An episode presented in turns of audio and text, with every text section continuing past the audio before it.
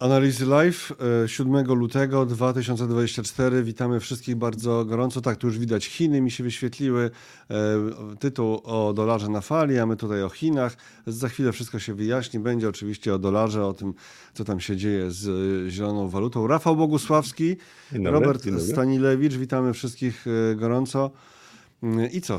Startujemy, bo nie będziemy tutaj daremnie jakoś słów zużywać tym razem i za chwilę będziemy mówić o naszych tematach, które macie w opisie, więc zaglądajcie. Oczywiście czekamy na Wasze pytania, na Wasze komentarze i liczymy także na e, to, że ci, którzy jeszcze nie mają, zrobią sobie subskrypcję kanału Analizy Live, gdzie mówimy o gospodarce, rynkach finansowych, inwestowaniu przede wszystkim, no i o świecie.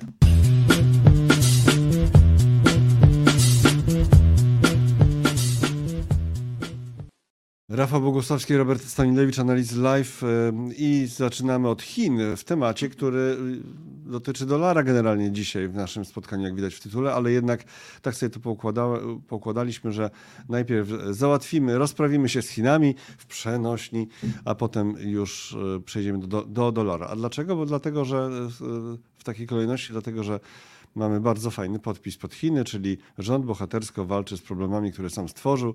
To akurat Rafał podrzucił, czyli chińskie pompowanie zdołowanej giełdy. Co tam się dzieje? Ja szukam Hansenga, żeby go pokazać.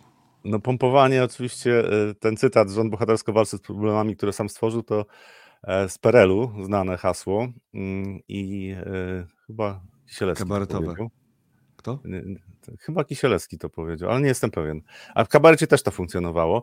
E, w każdym razie chodzi o to, że e, rząd chiński w tej chwili podejmuje decyzje, e, które mają zatrzymać spadki na giełdzie akcyjnej, na giełdach akcyjnych.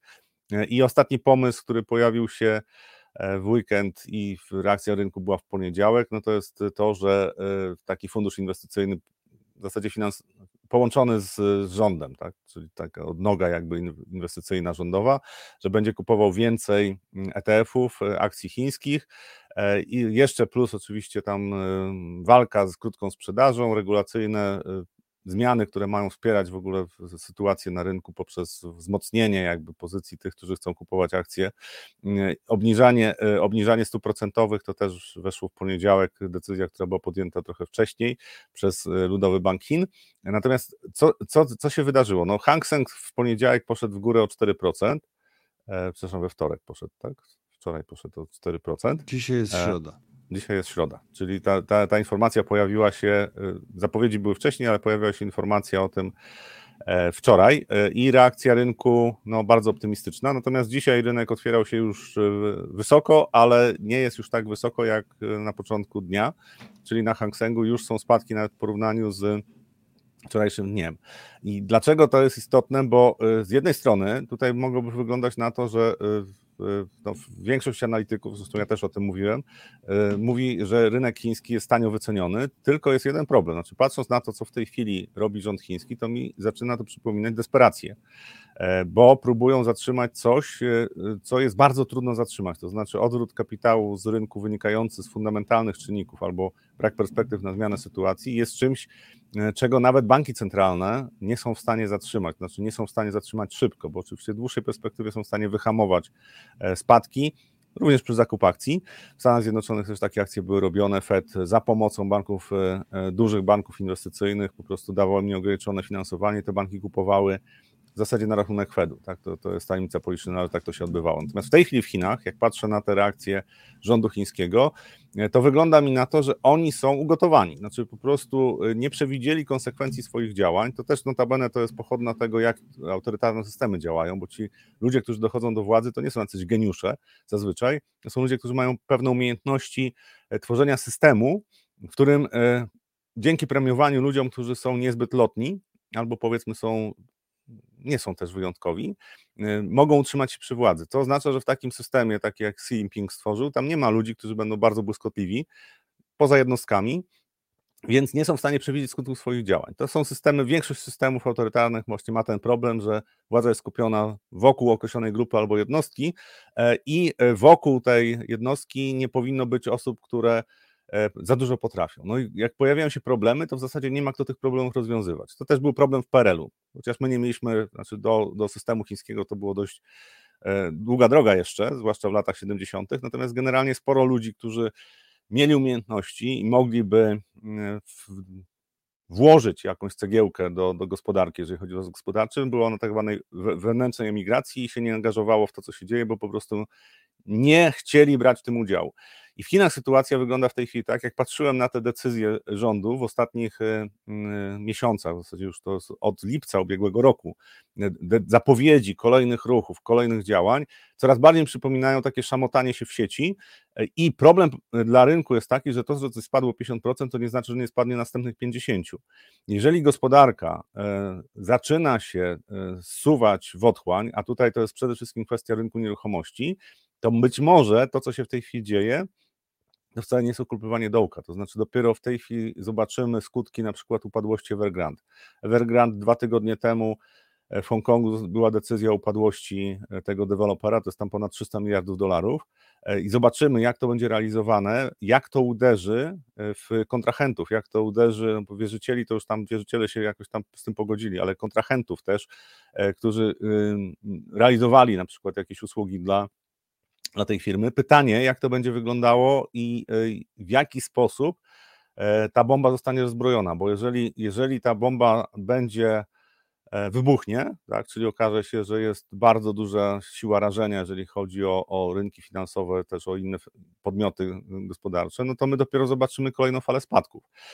I niestety tak? Bo tu widziałem, było pytanie widza, czy to uklepywanie dołka.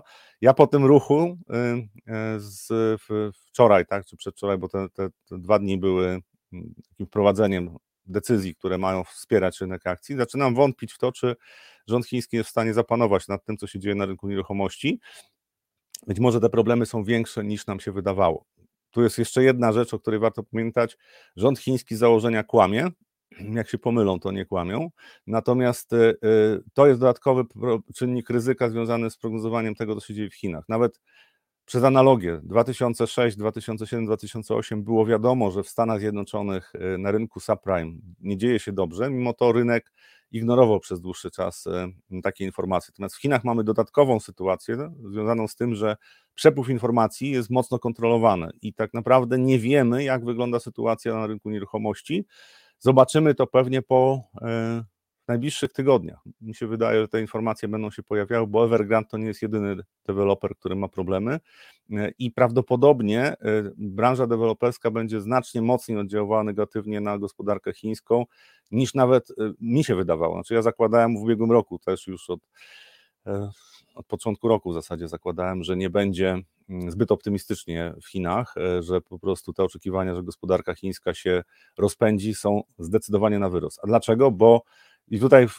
w kontekście tego e, hasła, tak, że rząd walczy bohatersko z problemem, który sam stworzył, to rząd chiński doprowadził do sytuacji, w której w tej chwili nie ma silnego popytu wewnętrznego, jest wysoki poziom bezrobocia wśród młodych ludzi, duch, tak, duch w narodzie osłabł, tak, to, to były kwestie wprowadzenia COVID-u i zamordyzmu, które wtedy, prowadzili, ale rozmontowali też yy, znaczną część gospodarki wolnorynkowej, to znaczy inwestorzy w tej chwili nie wierzą w to, że to nadal jest kapitalizm z poszanowaniem praw własności. To są kwestie zmian regulacyjnych, które się pojawiały zwłaszcza w 2021 roku, częściowo w 2022 roku, e, kiedy mm, całe branże w zasadzie z dnia na dzień straciły możliwość funkcjonowania. Również to, co zrobili e, w stosunku do niektórych miliarderów chińskich, to pokazuje, że prawo własności w Chinach jest traktowane tak jak w każdym komunistycznym kraju, czyli w zasadzie to nie jest prawo, które jest e, nienaruszalne.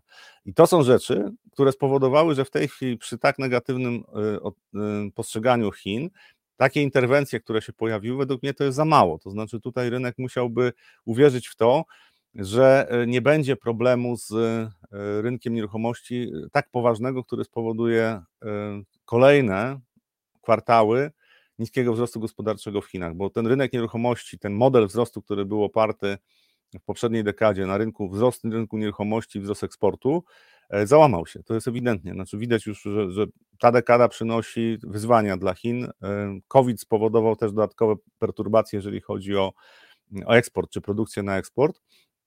I e, teraz widzimy skutki tego. Natomiast wisi ten rynek nieruchomości i tutaj też zaznaczam, że to rynek nieruchomości w Chinach to nie jest ta siła rażenia, który był subprime w Stanach Zjednoczonych. E, bo w Stanach Zjednoczonych tam były jeszcze instrumenty pochodne, poza tym to jest gospodarka amerykańska, powiązania, tak, jeżeli chodzi o sieć inwestycyjną, tak, rynki finansowe była znacznie większa. Tutaj to jest problem przede wszystkim dla rynku chińskiego, natomiast jeżeli okaże się, że e, pojawią się kolejne upadłości, no to myślę, że inwestorzy nadal będą panikowali. Co do tego wzrostu, który nastąpił, czyli wczoraj 4,2% na e, Hang Sengu, to ja bym popatrzył na najbliższe dni. Znaczy, jeżeli okaże się, że to jest jednorazowy strzał, e, to prawdopodobieństwo powrotu do spadków jest dość duże.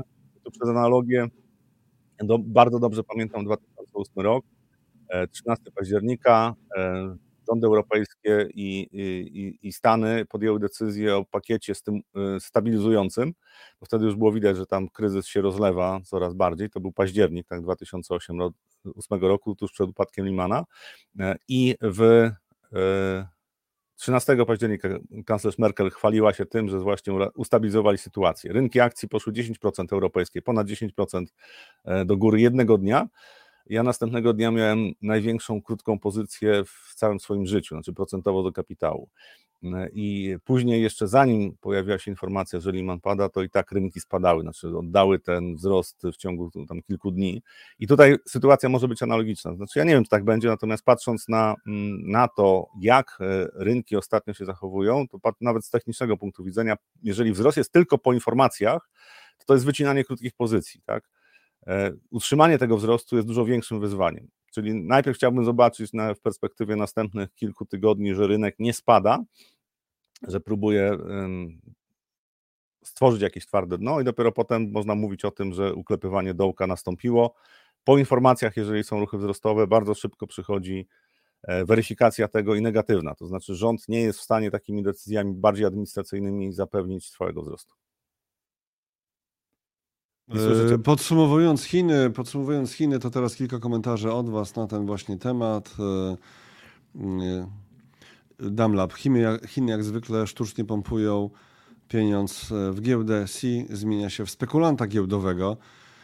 Rząd chiński wie, co robi, ma pieniądze i czas, Piotr Maciek pisze. Dla Chin 10-20 lat to krótki okres. Znaczy, to, to jest taka, taka mądrość, która była często powtarzana, że strategie inwestycyjne Chin są oparte na długoterminowych, y, długoterminowym wizjonerstwie nie? i według mnie to się nie sprawdza. To znaczy, to jest, y, to jest tak naprawdę to, co robią Chiny w tej chwili, rząd chiński, to jest próba utrzymania się przy władzy za wszelką cenę, czyli niedopuszczenie też do kryzysu gospodarczego, bo mhm. kryzys gospodarczy to jest potencjalna rewolucja. E, I, i pa, patrząc na te działania rządu, zwłaszcza z ostatnich trzech lat, e, to, to nie jest e, e, świetlana mhm. strategia, która jest bardzo przemyślana. To są działania ad hoc podejmowane, bo niektórym mądrym w rządzie chińskim tak się wydaje.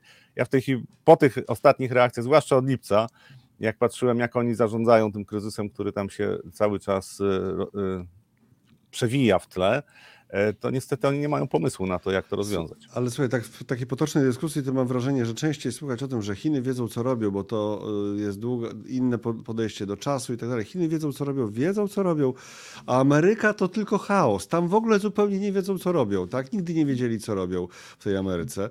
No, jak się tak spojrzy na jakość życia ludzi w jednym drugim kraju, no to chyba... Oczywiście w Ameryce jest cała masa nieszczęścia, tak? Ale jak się spojrzy na e, epokę rewolucji kulturalnej, na e, albo na przykład kiedyś na sytuację, kiedy sobie darowali podbój świata, a mogli go podbić. Te ekspedycje, które przywiozły żyrafy i różne dziwne rzeczy z Afryki, a potem już e, pojawił się zakaz żeglugi.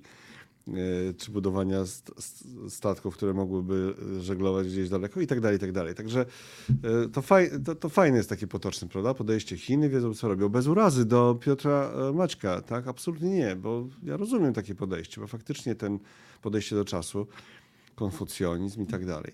No, idziemy dalej. Powolutku, doktor Szum, powolutku i systematycznie po takiej przecenie wchodzenie na ten rynek wydaje się być interesujące, ze znakiem zapytania. Znaczy ja... stwierdzenie ze znakiem zapytania.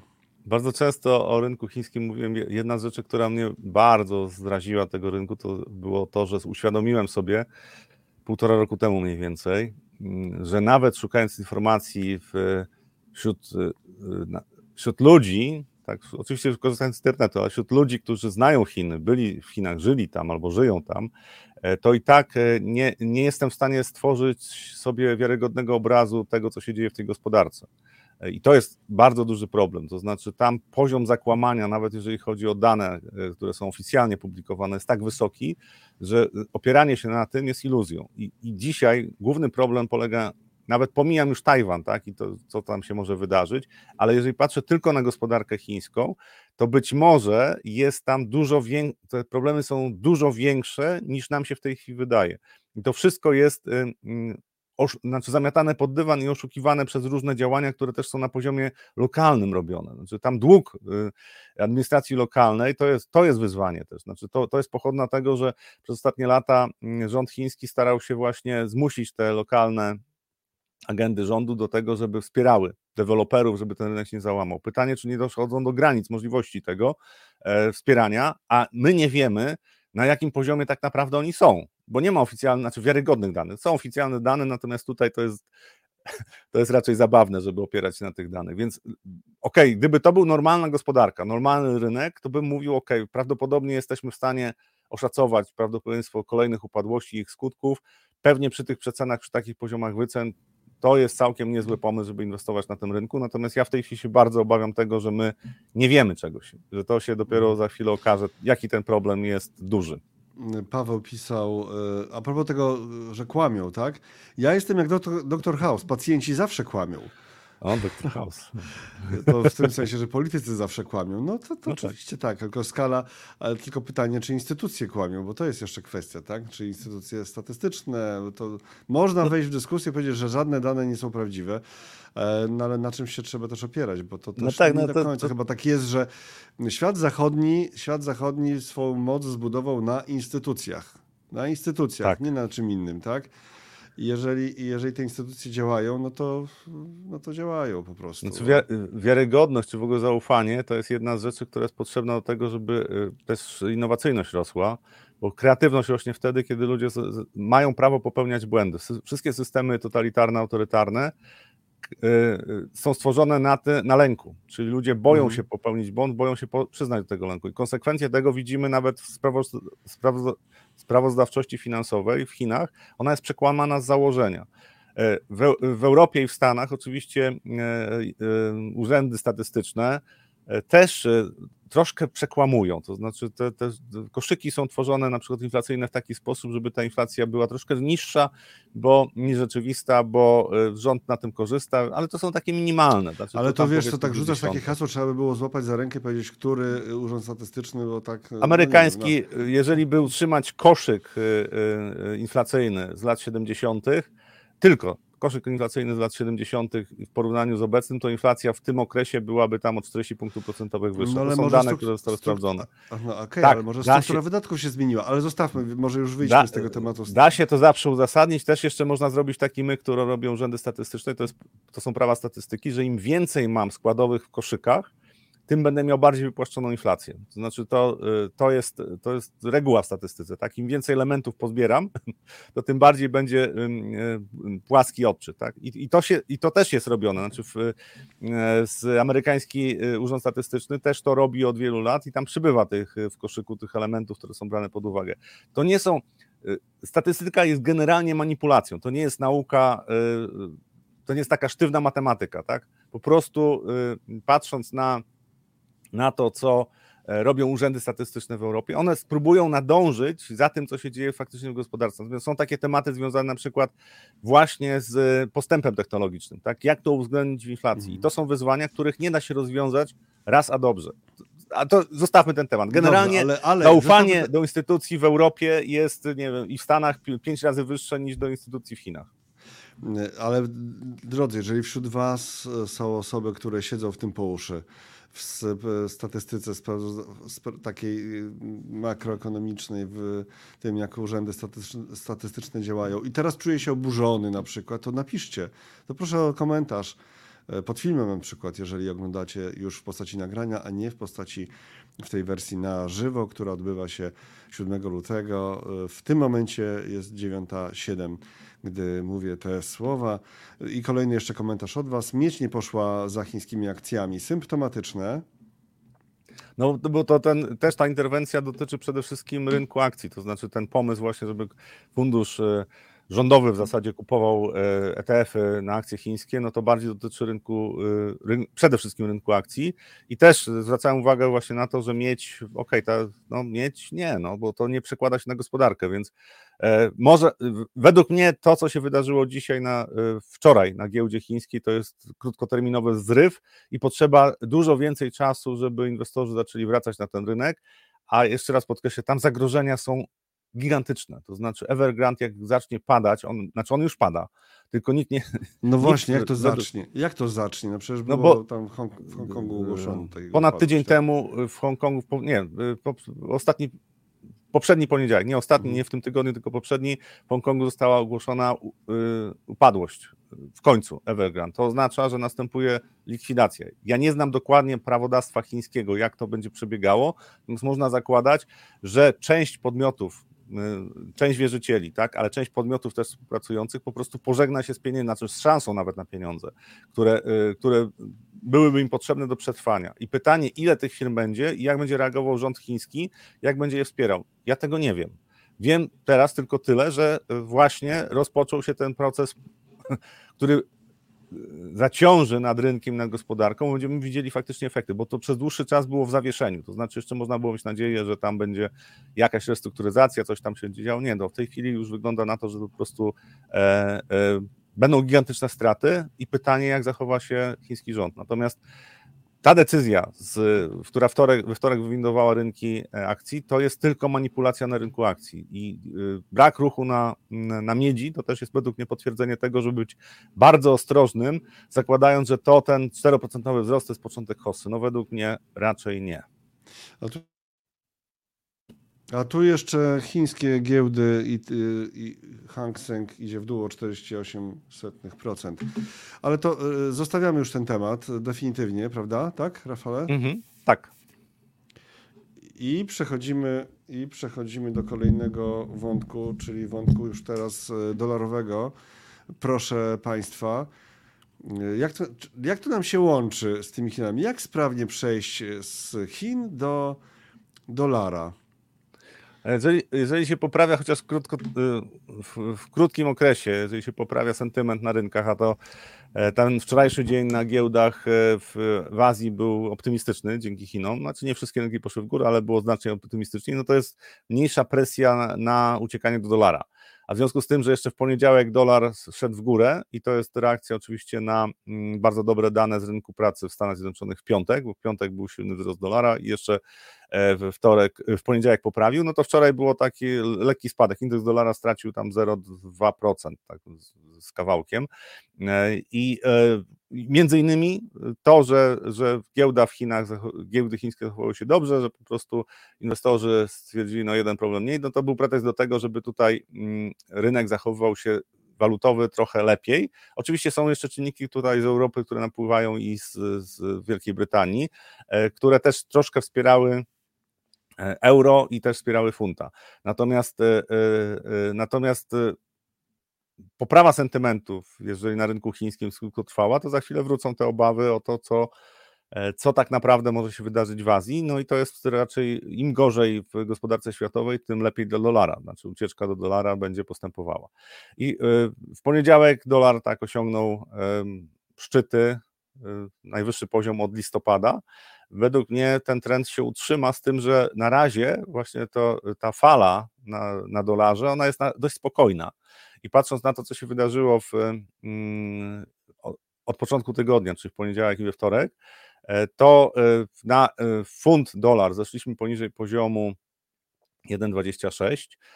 Według mnie w tej chwili jest funt powyżej 1,26, ale to jest taki ruch powrotny. Według mnie w perspektywie następnych tygodni jednak będzie trend spadkowy. Natomiast na razie właśnie to, co widzimy dzisiaj, dzisiaj też jest jeszcze odreagowanie też na euro-dolarze, ale tam też euro-dolar szedł poniżej poziomu 1,08. E, i powrót nawet powyżej poziomu 1,08, według mnie to nie jest coś, co spowoduje, że powróci trend wzrostowy na euro. Raczej tutaj w najbliższym czasie będziemy mieli tendencję spadkową. I teraz jak e, popatrzymy na, to jest wykres euro-dolara, popatrzymy od stycznia, co, od początku stycznia, co się dzieje, to my jesteśmy w takim e, ładnym trendzie spadkowym, ale takim dość spokojnym. To nie są takie spadki tam po 2% jednego dnia, tylko rynek się osunie punkt, tak, 100 punktów bazowych, czyli tak zwaną figurę. Potem jest konsolidacja, która trwa nawet dwa tygodnie, no, półtora tygodnia. Potem jest kolejny spadek, potem znowu konsolidacja, potem kolejny spadek, potem znowu konsolidacja. I teraz po tych dwóch y, dniach spadkowych, według mnie, no spokojnie tutaj euro może wyjść powyżej poziomu 1,08, może nawet trochę wyżej, ale prawdopodobieństwo tego, że utrzymujemy się w trendzie spadkowym, na, na tej parze walutowej według mnie jest bardzo duże. E, przede wszystkim e, zmieniły się oczekiwania co do obniżek stóp procentowych przez Fed i Europejski Bank Centralny też pomimo tego, że zaklina się, że na razie nie będzie y, łagodził polityki monetarnej, to słabość gospodarki europejskiej pewnie spowoduje, że to będzie robił. Więc jeden z czynników na pewno działa na korzyść dolara. Są jeszcze ryzyka takie związane właśnie z geopolityką, ale te przewaga gospodarki amerykańskiej zdecydowanie będzie wpływała według mnie w najbliższym czasie na kurs euro-dolara. Tylko właśnie zwracam uwagę, że to jest taka opadająca fala, natomiast nie jest to panika. I to jest, y, to jest trochę inna dynamika ruchu niż y, wtedy, kiedy rynek jest mocno wystraszony. E, paradoksalnie taka spokojna fala opadająca może trwać dużo dłużej niż szybkie ruchy. Szybkie ruchy e, najczęściej wywołują jakieś silne ruchy korekcyjne, to znaczy rynek spada na przykład 10% i potem mamy 5% odreagowania.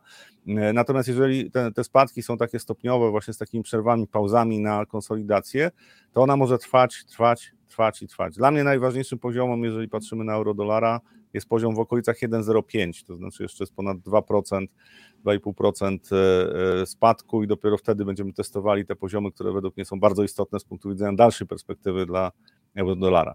Na razie e, mamy jeszcze drugą fazę odreagowania po tych piątkowo-poniedziałkowych spadkach na, na euro-dolarze.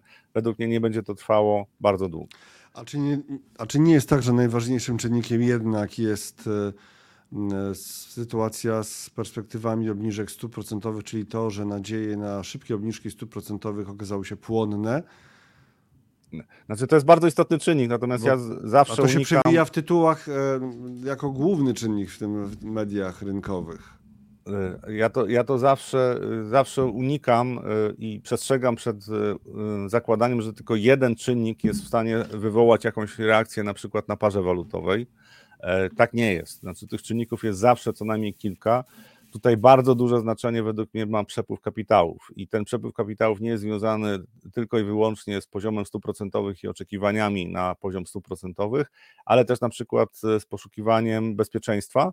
E, i e, dla inwestorów, którzy e, kupują krótkoterminowe papiery amerykańskie, dłużne, tak, to, to poziom stóp procentowych nie jest aż tak ważny. Ważne jest to, że y, oni y, mogą w tej chwili bezpiecznie dostawać tam powyżej 5%, e, inwestując w takie papiery z bardzo niskim ryzykiem. I to jest coś, co przyciąga kapitał. Więc jeżeli patrzymy tak szeroko na, na, na rynek walutowy, to oczywiście to, że te obniżki stóp procentowych w tej chwili zostały skorygowane oczekiwania, zresztą Powell też y, przesunął wprost powiedział, że w, w, w, marcu tych obniżek stóp nie będzie. To jest czynnik, który bardzo mocno krótkoterminowo oddziałuje, ale też jakby brakowało innych czynników, na przykład związanych z siłą gospodarki amerykańskiej, albo też e, e, pozycją Stanów Zjednoczonych w tym otoczeniu politycznym, który w tej chwili mamy, to, ten, mm, to nie byłoby tak oczywiste, że dolar y, ma y, przewagę. Według mnie dolar ma przewagę właśnie dlatego, że jest co najmniej kilka czynników z tych, które warto brać pod uwagę, które wspierają dolara. Czy te spadki y, innych walut do dolara będą kontynuowane? No za chwilę się przekonamy. E, to jest indeks dolara, futures na indeks dolara, DX, i e, mieliśmy wzrost tam prawie do 104,5, teraz dwa dni cofnięcia w okolicach 104 jesteśmy i e, pytanie, czy utrzymujemy trend wzrostowy tak, na dolarze. Jeżeli utrzymujemy trend wzrostowy, to te spadki nie powinny być poniżej poziomu 103, powinny się trochę wyżej zatrzymać w najbliższym czasie i kolejny ruch wzrostowy. Tak jak było od lipca do mm, początku października ubiegłego roku. Taki trend, który e, po konsolidacjach kolejny ruch wzrostowy, potem jakaś y, korekta, potem trend wzrostowy. Według mnie jest w tej chwili dużo więcej przesłanek za tym, żeby obstawiać dalsze umocnienie dolara, e, co powinno też przekładać się na większą zmienność na rynkach akcyjnych. To znaczy, jak dolar się umacnia, to rynki robią się bardziej nerwowe. Nie oznacza to końca hossy, ale oznacza pewne problemy na, e, e, na rynkach finansowych, a tutaj w tle jeszcze są to, co się działo w ostatnich, ostatnim tygodniu, ostatni tydzień, to się dzieje cały czas, ale ostatni tydzień dostarczył nowych informacji, czyli dwie branże, które w Stanach Zjednoczonych mają podgórkę w związku z tym, co zrobił Fed, mm, czyli banki regionalne i mm, rynek nieruchomości komercyjnych. No właśnie do tych banków regionalnych teraz przechodzimy, bo są już pytania na ten temat od Was. Zatem co się dzieje z bankami regionalnymi i też co powiedział o nich Jerome Powell e, o owych bankach, e, e, o owych bankach regionalnych w swoim wystąpieniu w programie 60 Minutes. 60 Minutes, tak. To, to, no jak sama nazwa wskazuje, to długi, długi wywiad z Powellem i no, dużo ciekawych pytań, natomiast y, bardzo wiele powtórzył Powell tych rzeczy, które mówił na konferencji, czyli że chcą mieć pewność e, o mm, trwałym uniżeniu poziomu inflacji, że e, e, biorą pod uwagę różne czynniki itd., tak itd. Tak natomiast mnie najbardziej zainteresował ten fragment, w którym zaczął mówić o bankach regionalnych. Dlaczego? Bo banki regionalne w ubiegłym tygodniu po publikacji wyników, a w zasadzie po obcięciu, obcięciu dywidendy e, i e, ujawnieniu, jakie, jakie e, muszą stworzyć rezerwy na złe długi, to bank nowojorski, New York Bank. New York, New York Community Bancorp. New York Community tak. Bank, Bancorp. Tak, za chwilę pokażemy hmm. piękny wykres. No, a tutaj to, to co, Fe, co mówił, tak, to dość spokojnie opowiadał właśnie o tym, co robią, jak robią, na czym mm, bazują, jeżeli chodzi o informacje. Natomiast jak doszedł do, e, pojawiło się pytanie o banki regionalne, to bank, Powell powiedział, i to mi się bardzo podoba i to zapamiętałem, że ten kryzys jest zarządzalny, tak, manageable. E, I faktem jest, ja też uważam, że on jest zarządzalny. Rok temu też mówiłem, jak e, e, Silicon Valley padał, to taki bank regionalny, który się przewrócił i tam jeszcze trzy inne banki się przewróciły przy okazji, że ten kryzys jest zarządzalny. Ale Tylko, nie chodziło, a czy nie chodziło o kryzys w nieruchomościach?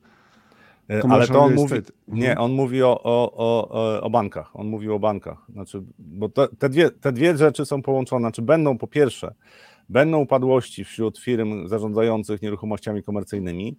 San Francisco e, ceny e, nieruchomości w ciągu ostatnich e, dwóch lat spadło o 60%, tak, ponad 60%.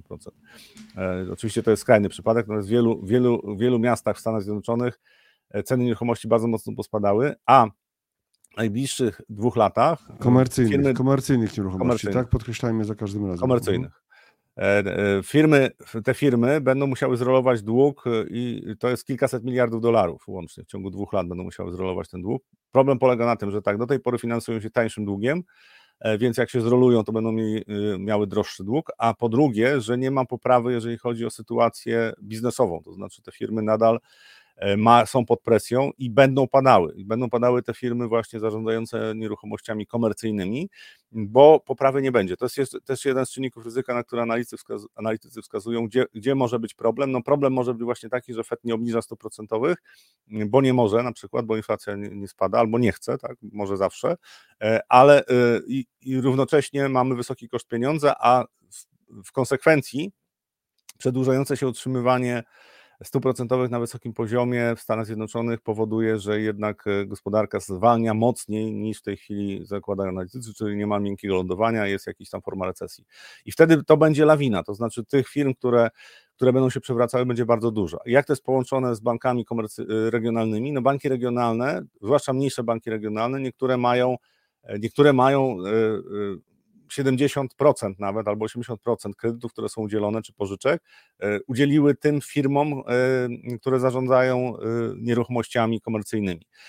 Dla dużych banków to nie jest tak, aż taki problem, bo to jest najczęściej całego portfela kredytowego to jest kilkanaście procent. Tak? Niektóre banki w ogóle są mało obecne na tym, na tym rynku, ale powiedzmy to jest kilkanaście procent, więc to jest zarządzalne. Natomiast dla tych mniejszych banków komercyjnych to jest duży problem. I Powell powiedział, że niektóre z banków komercyjnych, tych mniejszych, będą musiały zostać zamknięte.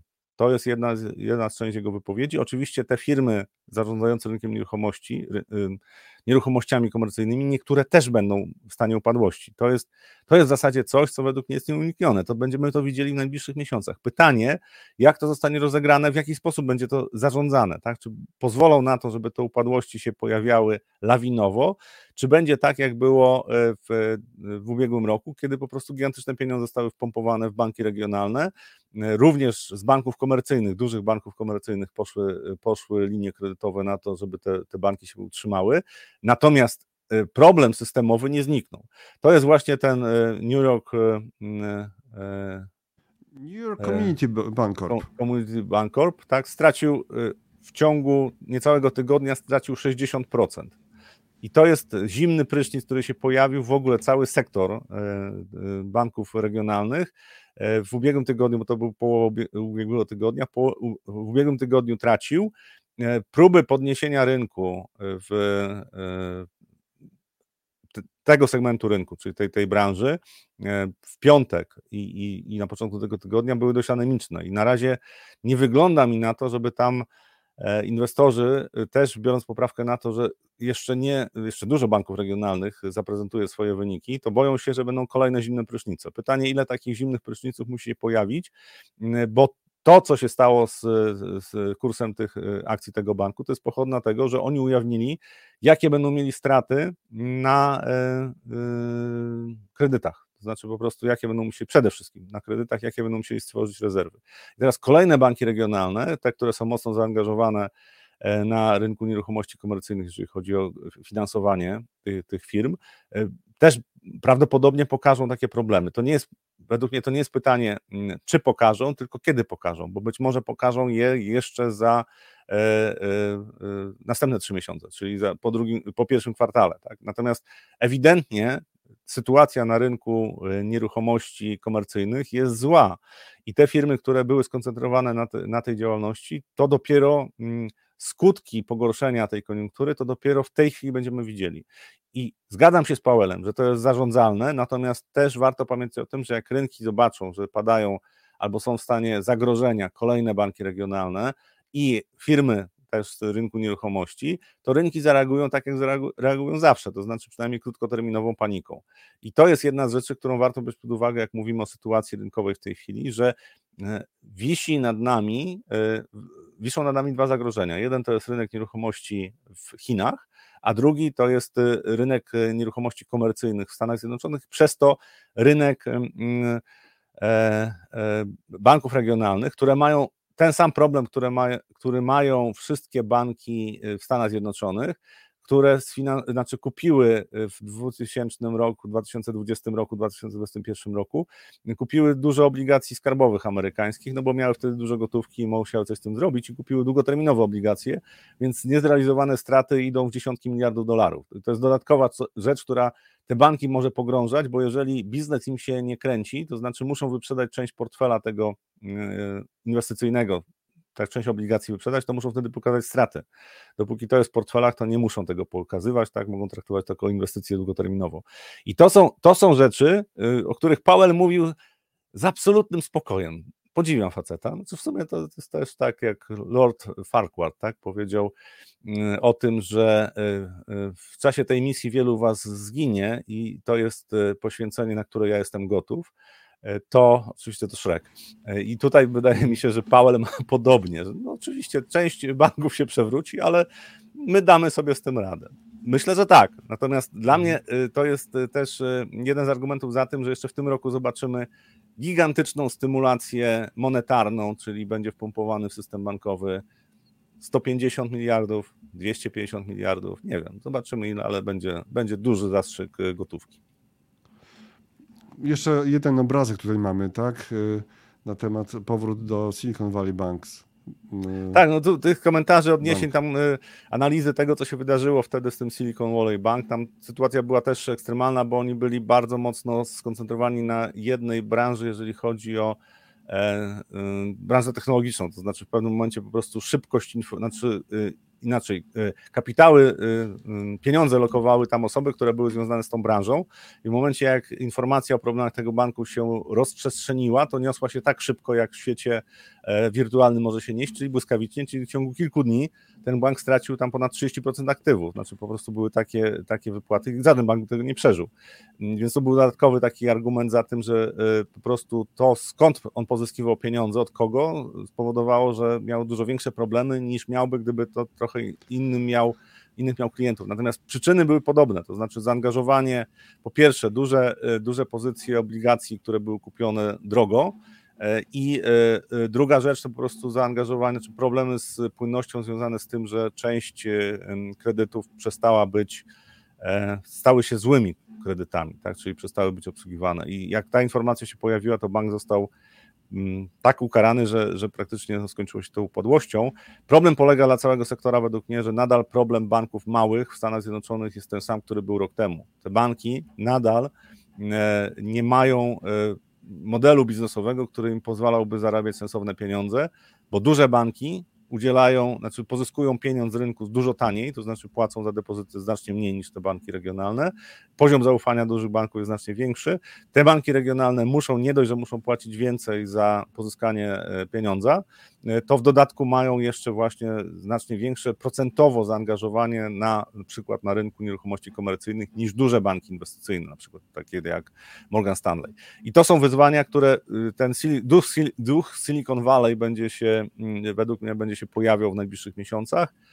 Jeszcze raz powiem, zgadzam się z Powellem, że to jest zarządzalne, natomiast to nie oznacza, że nie będzie nerwowo. Znaczy, jak się pojawią kolejne informacje z banków regionalnych, że niektórych jest bardzo źle, to rynki zaczną reagować bardziej nerwowo niż reagują w tej chwili, bo na razie ta reakcja jest bardzo umiarkowana, jeżeli patrzymy na e, w ogóle na giełdę amerykańską. Za chwilę przejdziemy do tematów polskich, krajowych. Teraz e, mały antrakt jednak i zaproszenie na dzisiaj na godzinę 12.00 E, proszę drogich Państwa, bo dzisiaj o godzinie 12.00 na kanale YouTube'owym Platformy Inwestycyjnej Kup Fundusz odbędzie się kolejne spotkanie w cyklu Kup Fundusz Live. I będzie, za, za, chwilę Wam to pokażę, będzie rozmowa o tym, Grzegorz Raupuk, oczywiście szef Kup Funduszu, doradca inwestycyjny yy, i tak dalej, i tak dalej, będzie mówił o tym, jakie fundusze dłużne teraz wybrać. Yy, już momencik Wam pokazuję okładkę i za chwilę wrzucę link do tego właśnie wydarzenia, żeby wszystko było pod ręką. Zapraszamy dzisiaj o godzinie 12. Oczywiście, kto nie będzie mógł o godzinie 12, to zapraszamy do oglądania już zapisu tego spotkania, ale gdyby ktoś e, mógł na chwilę wpaść, chociaż i na przykład zostawić pytanie na to czacie, e, to bardzo będziemy wdzięczni z tego właśnie powodu. I tutaj od razu w tym momencie idzie link do tej sytuacji. Do, dzisiaj o godzinie 12.00, proszę bardzo, na YouTubie i na y, Facebooku, i na LinkedInie też powinno być. Y, y, także szereg różnych możliwości, ale za, zapraszamy najchętniej na YouTube'a, bo tam dobrze, jak się to, szanowni Państwo, ze swoimi pytaniami zbierają w jednym topczacie, w jednym miejscu. Poza tym jeszcze mamy mm, przed sobą Forum Inwestycji Osobistych. Za chwilę pojawią się kolorowe zwiastuny tego. 5 mm, marca we wtorek Forum Inwestycji Osobistych. E, dużo tematów inwestycyjnych. E, za chwilę e, ujawnimy już pełną agendę, pełny plan działania. To będzie onlineowa, darmowa konferencja, ale jeżeli ktoś chce chciałby być na miejscu w formie takiej hybrydowej, czyli w sali fizycznie, to się odbędzie w Galerii Młociny, w Teatrze WAM. Jest takie miejsce w Galerii Młociny. Zaczynamy od 10. Około 16 spodziewamy się, że to wtedy będzie. Będzie spotkanie z Rafałem Bogusławskim, merytoryczne, ale także takie bezpośrednie.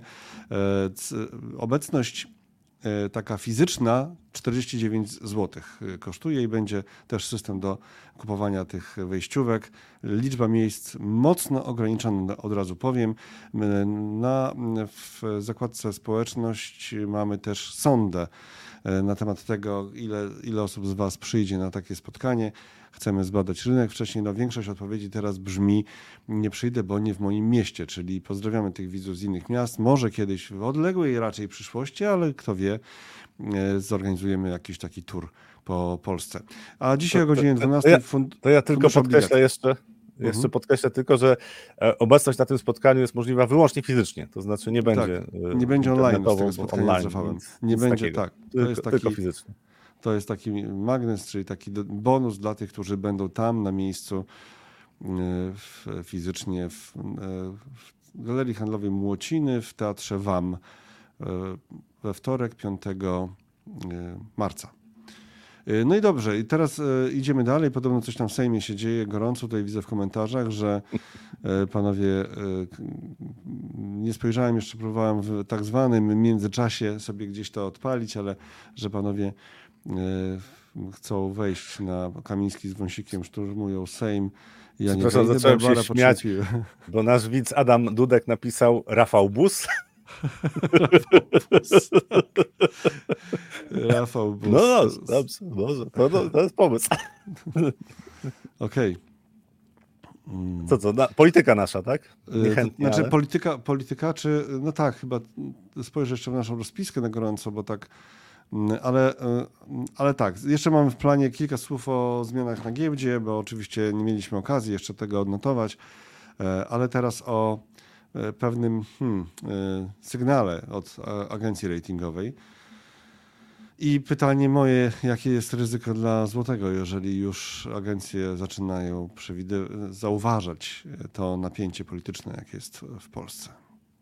Znaczy, od, od razu zaczynam od tego, że najważniejsze dla złotego jest risk on, risk off na rynkach światowych, czyli sentyment na rynkach światowych. Jak jest dobra koniunktura, to złoty się broni. Natomiast w momencie, gdyby się pogorszyła sentyment, a zwłaszcza umocnienie dolara, jakby się e, rozpoczęło w związku z tym, że właśnie sentyment trochę zacznie pogarszać, no to złoty wtedy zostanie mocniej ukarany. Ze względu na te wydarzenia polityczne, które się w tej chwili dzieją, na przykład to, co się dzieje dzisiaj, ale w ogóle to, co się dzieje od E, powołania nowego rządu, to sposób, w jaki e, przekazanie władzy nastąpiło, to jest coś, czego myślę, że żaden, żadna z instytucji ratingowych nie doszacowała. To znaczy, ten poziom konfliktu jest bardzo wysoki. To są pochodne oczywiście tego, że bardzo wiele ustaw, bardzo wiele regulacji zostało wprowadzonych też ze złamaniem prawa jeszcze zarządów PiSu i teraz pytanie jest, jak z tego wybrnąć. No nie, ma, nie ma prostej ścieżki.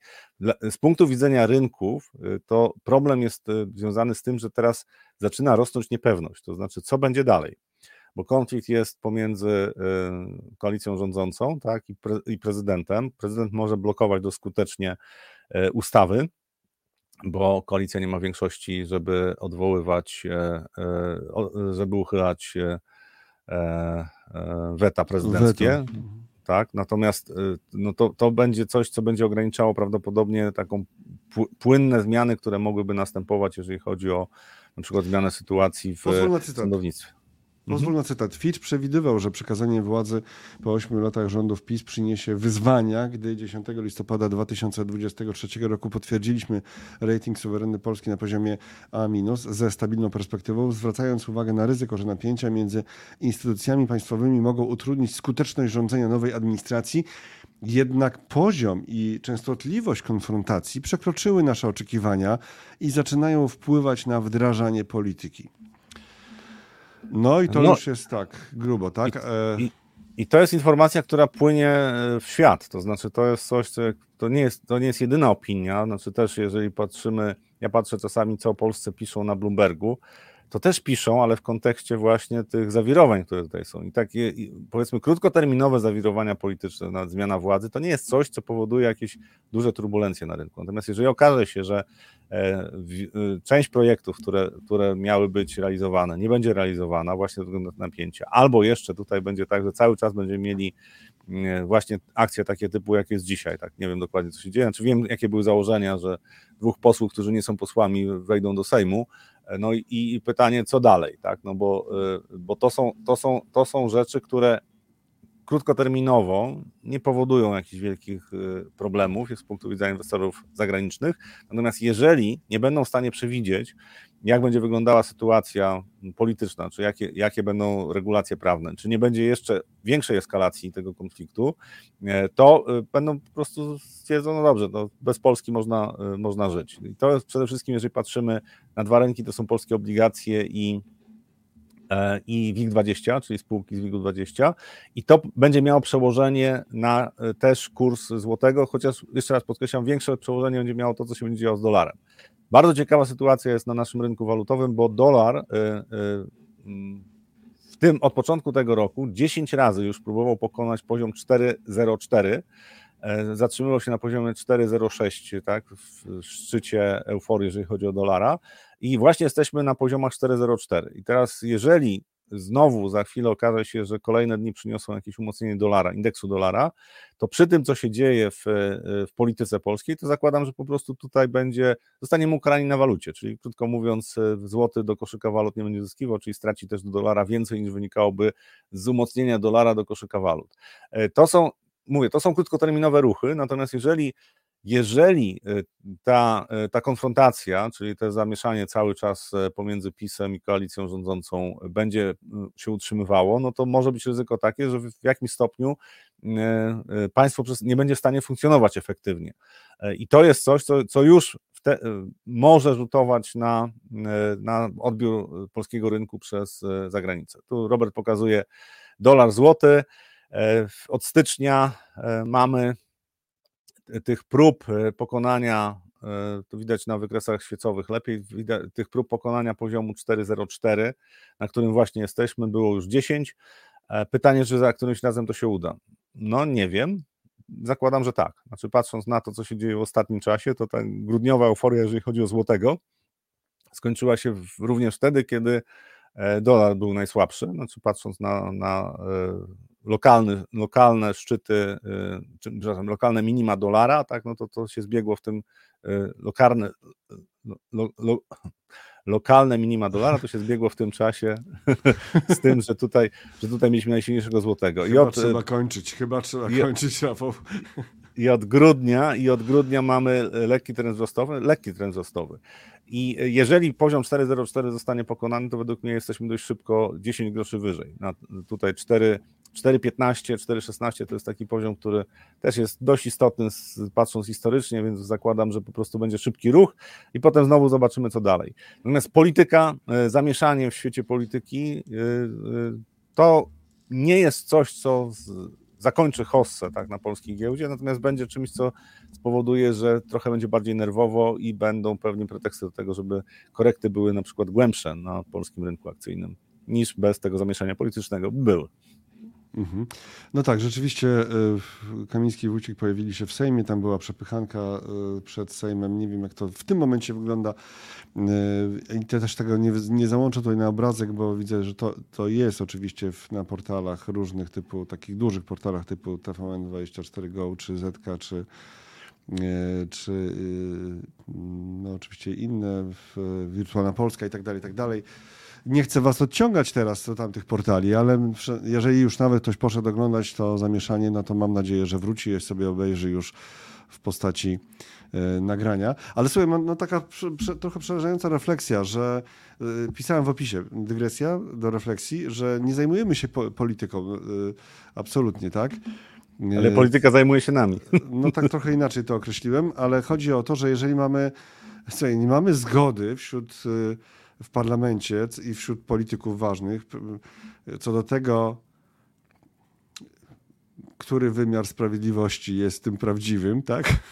Znaczy, kuriozalna sytuacja, tak? Ewidentnie y, część władz, no prezydent y, ma inny wymiar sprawiedliwości niż y, aktualnie rządzący rząd, tak?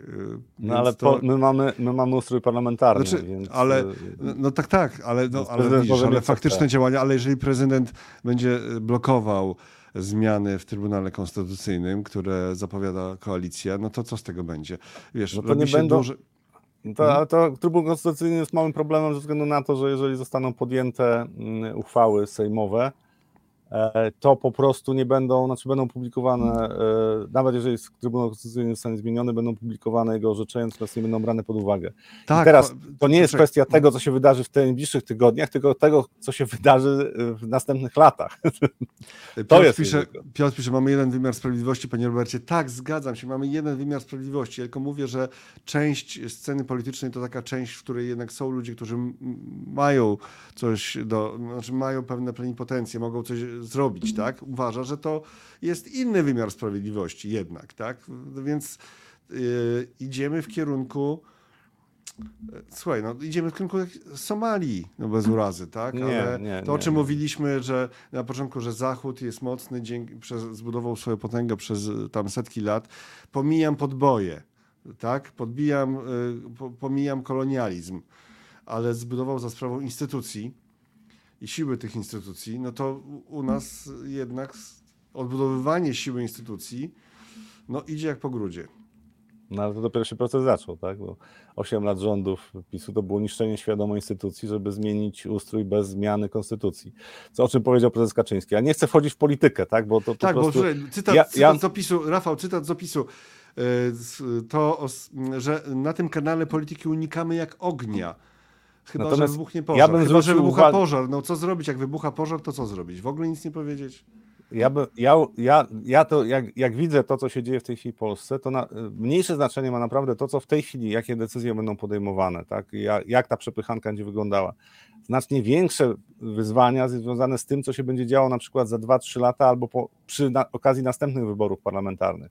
Ponieważ to, co w tej chwili się dzieje, to jest e, zarzewie konfliktu, który będzie trwał być może przez dekadę. I to jest, to jest wyzwanie, tak? bo jeżeli jeżeli y, mm, ta konfrontacja będzie utrzymana na wysokim poziomie, no to zakładam, że w pewnym momencie, tak jak to bywa, może za 4 lata, może za 8, nastąpi zmiana e, władzy ponownie e, i e, pytanie, co dalej. Tak? I to, to nie da się funkcjonować w takim kraju, gdzie co 4 albo co 8 lat następuje rewolucja, bo to jest coś, co jest po prostu katastrofalne z punktu widzenia długoterminowych perspektyw takiej gospodarki. I, o tym tylko mówię, że E, nie rozstrzygając tak, kto bardziej narozrabiał, to po prostu to jest coś, co będzie rzutowało na, mm, na nas, na polską gospodarkę, na to, jak, jak, w, jakim, w jakim mm, kraju będziemy funkcjonowali, bo ten konflikt, jeżeli nie zostanie jakoś rozwiązany, tak? Czy uspoko- mhm. nie, nie, uspokoją się obie strony, to po prostu konsekwencje będą bardzo długoterminowe, a te długoterminowe konsekwencje są znacznie istotniejsze niż jakieś krótkoterminowe tam kłótnie czy przepychanki w Sejmie. Okay, to teraz zostawiamy już ten temat i y, patrzymy na warszawską giełdę, ale nie poprzez indeksy, tylko zmiany y, kadrowe na warszawskiej giełdzie. No oczywiście można się było tego spodziewać, aczkolwiek oczywiście od razu w pierwszej linijce przypomnijmy, że jeszcze musi być zgoda KNF-u na nowego prezesa, znaczy on musi dostać zatwierdzenie z Komisji Nadzoru Finansowego. Y, Tomasz Bardziłowski za Marka Ditla na prezesa GPW, tutaj jeszcze tekst y, z, na analizach y, online. Oczywiście sprawa już przegadana na wiele różnych sposobów, ale bardzo ciekawa zmiana. Z czym ci się ta zmiana wiąże, albo czego, się, czego oczekujesz? Co znaczy, wiem, od razu prezes miałby zrobić?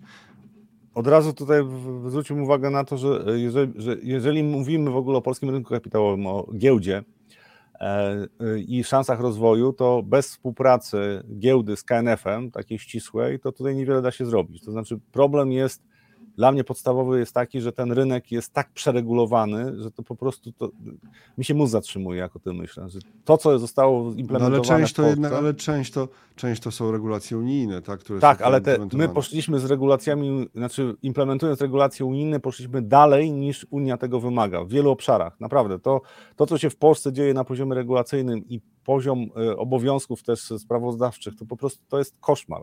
Też e, sankcje za to, które, które spotykają firmy, to jest coś, że ja się w ogóle dziwię, że jakieś firmy jeszcze chcą wchodzić na ten rynek, znaczy przy tych obciążeniach, które muszą ponosić różnego rodzaju. I teraz uproszczenie tego, ja wiem, że to jest trudne, bo jak urzędnicy wymyślą coś, to wycofać się z tego bardzo nie chcą, ale uproszczenie tego, to byłby jeden z, według mnie, jeden z elementów takiej układanki, w której ożywimy trochę ten rynek. Bo jeżeli to będzie brnęło w tą stronę, w którą w tej chwili wędruje, czyli po prostu e, regulacyjnie e, zamrażamy wszystko, bo łatwiej jest zrobić coś takiego, niż na przykład potem tłumaczyć się, że nie przebiliśmy getbacku. Tak? Stwórzmy takie regulacje, że po prostu nie będzie możliwe e, działanie w pewnym obszarze, no i po prostu nie będzie problemu, bo nie będzie takich działań.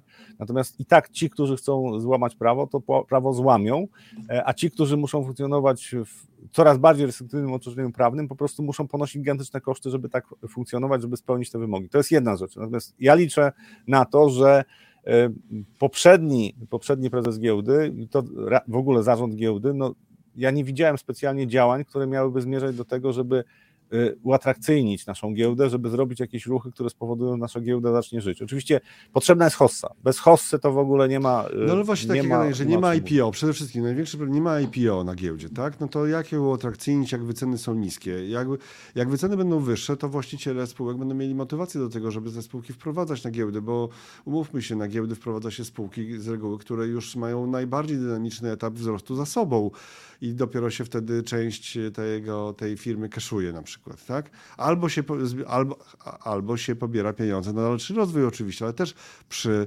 wyższych wycenach, no po prostu. No po prostu, ale też y, y, te wyceny nie muszą być, jeżeli na przykład spółka widzi inne korzyści z tego tytułu, że znajdzie się na giełdzie, niż tylko to, że jest to sposobem wyjścia, na przykład dla funduszu Venture Capital, to wejdzie wcześniej na, na ten rynek, natomiast jak w, y, w, y, regulowany, tak, czyli wejdzie na giełdę, natomiast jak nie widzi tych korzyści specjalnych, a wprost przeciwnie, widzi same zagrożenia, to na przykład e, informacje, które te spółki giełdowe muszą ujawniać, no to jest coś, co jest e, mm, prezentem dla konkurencji. To znaczy, ja w w wielu radach nadzorczych byłem i po prostu ilość informacji, która jest przekazywana, e, która musi być udostępniona, jest coraz większa. Ale to na to akurat, na to akurat prezes giełdy nie będzie miał żadnego wpływu. Tak, ale KNF ma. I No. dlatego mówię, że współpraca z KNF-em, y, czyli określenie zasad, na jakich y, funkcjonuje otoczenie prawne jak funkcjonuje giełda, znaczy jakie regulacje wprowadza, bo niektóre musi, to bez, bez współpracy z KNF-em będzie bardzo ciężko y, to, to zmienić. No ale tutaj też y, pytanie, czy to będzie kohabitacja, czy współpraca, bo przecież jednak władze KNF-u są y, wprowadzone jeszcze przez poprzedni rząd. Oczywiście rynek, rynek traktuje, znaczy raczej pozytywnie przez te lata odbiera Jacka Jas- Jastrzębskiego, ale no, wiesz, no, to jednak ich y, prezes tamtego rozdania, że już tak mówić wprost politycznie, zo- został utrącony. A można było odnieść wrażenie, że on chęt, chętnie by tam jeszcze popracował, tak? No to teraz pytanie, punkt pierwszy, czy będzie zatwierdzenie ze strony KNF-u z różnych, y, no bo różne mogą być przeszkody, których na przykład nie znamy, a na przykład te jakieś, które możemy się y, domyślać. No, powiedzmy, już nie będę to ale-. Ja tylko powiem, że tylko dy, dygresja, Tomasz Bardziłowski odpowiedział mi SMS-owo na razie, że jak y, będzie już oficjalnie, to, to porozmawiamy, bo wysłałem zaproszenie do niego, tak, do nas, do live'a. Jak już będzie zatwierdzenie, to będziemy w kontakcie wtedy, więc może ja wielokrotnie rozmawiałem z Tomaszem Bardziłowskim, tutaj ma taką bardzo groźną minę. Generalnie, ja go że to jest człowiek generalnie uśmiechnięty, rzeczywiście bardzo dynamiczny. Aha. To fakt, tak? I człowiek z rynku, to też jest ciekawe, bo to jest człowiek jednak z branży maklerskiej, tak? Generalnie. A podstawowym zawsze e, od lat dyskusją wokół GPW to jest to, czy prowizje nie powinny być niższe, które tam GPW narzuca. E, Dyskusja non-stop, non-stop, non-stop. Z drugiej strony prezes taki jak ten prezes nie może działać na szkodę spółki, musi zarabiać, prawda? Więc e, czy on będzie obniżał prowizję? E, dla brokerów? No, pytanie. No, No powinien... to, to jest zawsze złoty, złoty środek, bo oczywiście jak s- spadają koszty, to rosną obroty.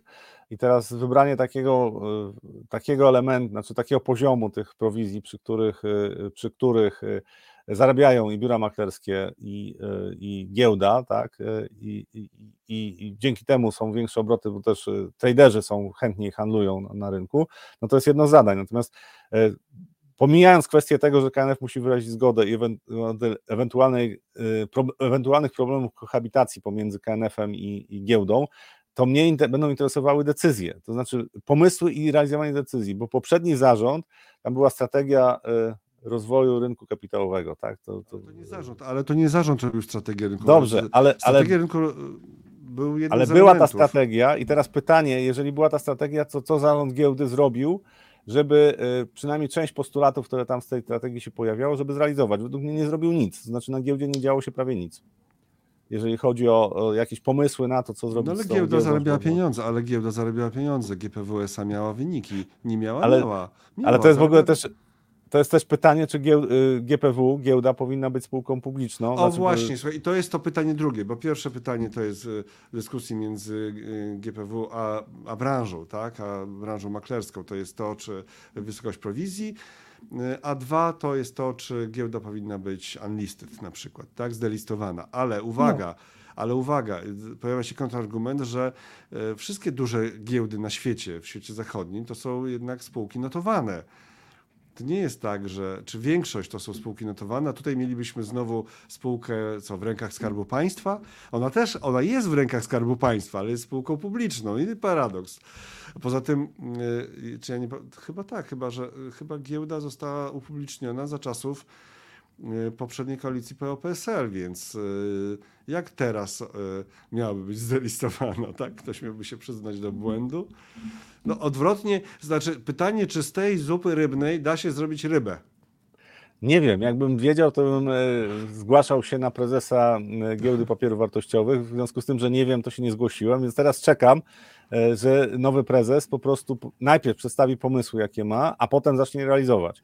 I jak te pomysły będą sensowne, to super. A jak ich nie będzie, no to znaczy, że nic się nie zmieni. Tak? Że polska giełda dalej będzie marginalizowana coraz bardziej, bo będziemy przegrywali stopniowo konkurencję z, nawet nie ze światem, ale z Europą bo to, to jest nieuniknione. Więc tutaj mhm.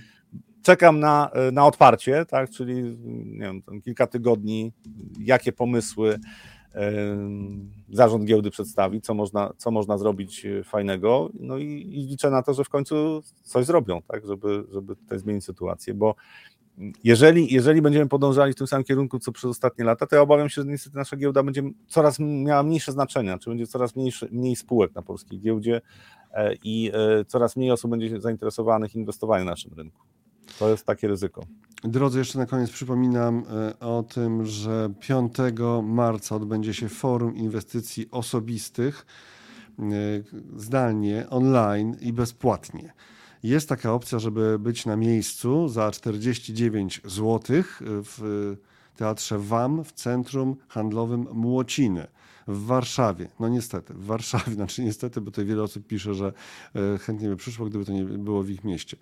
W Warszawie 5 marca zaczynamy od 10, około 10, a e, kończymy koło 16 i wtedy o 16 wchodzi na scenę tylko dla tych, którzy będą na miejscu Rafał ze swoim materiałem i także z możliwością bezpośredniego kontaktu z Rafałem. E, a na naszym kanale Analizy Live w zakładce społeczność, jak sobie, e, jak sobie wejdziecie, tak, to tu jest taka ankieta, o proszę bardzo, i można sobie kliknąć E, czy na to spotkanie z Rafałem. To jest na razie pytanie na spotkanie z Rafałem. Przyjdę, nie, bo nie w moim mieście, nie, wolę konferencji online, nie, inny powód. I tutaj jest właśnie ta zakładka community, to może jeszcze teraz mi się uda w komentarze wrzucić e, do tej zakładki community.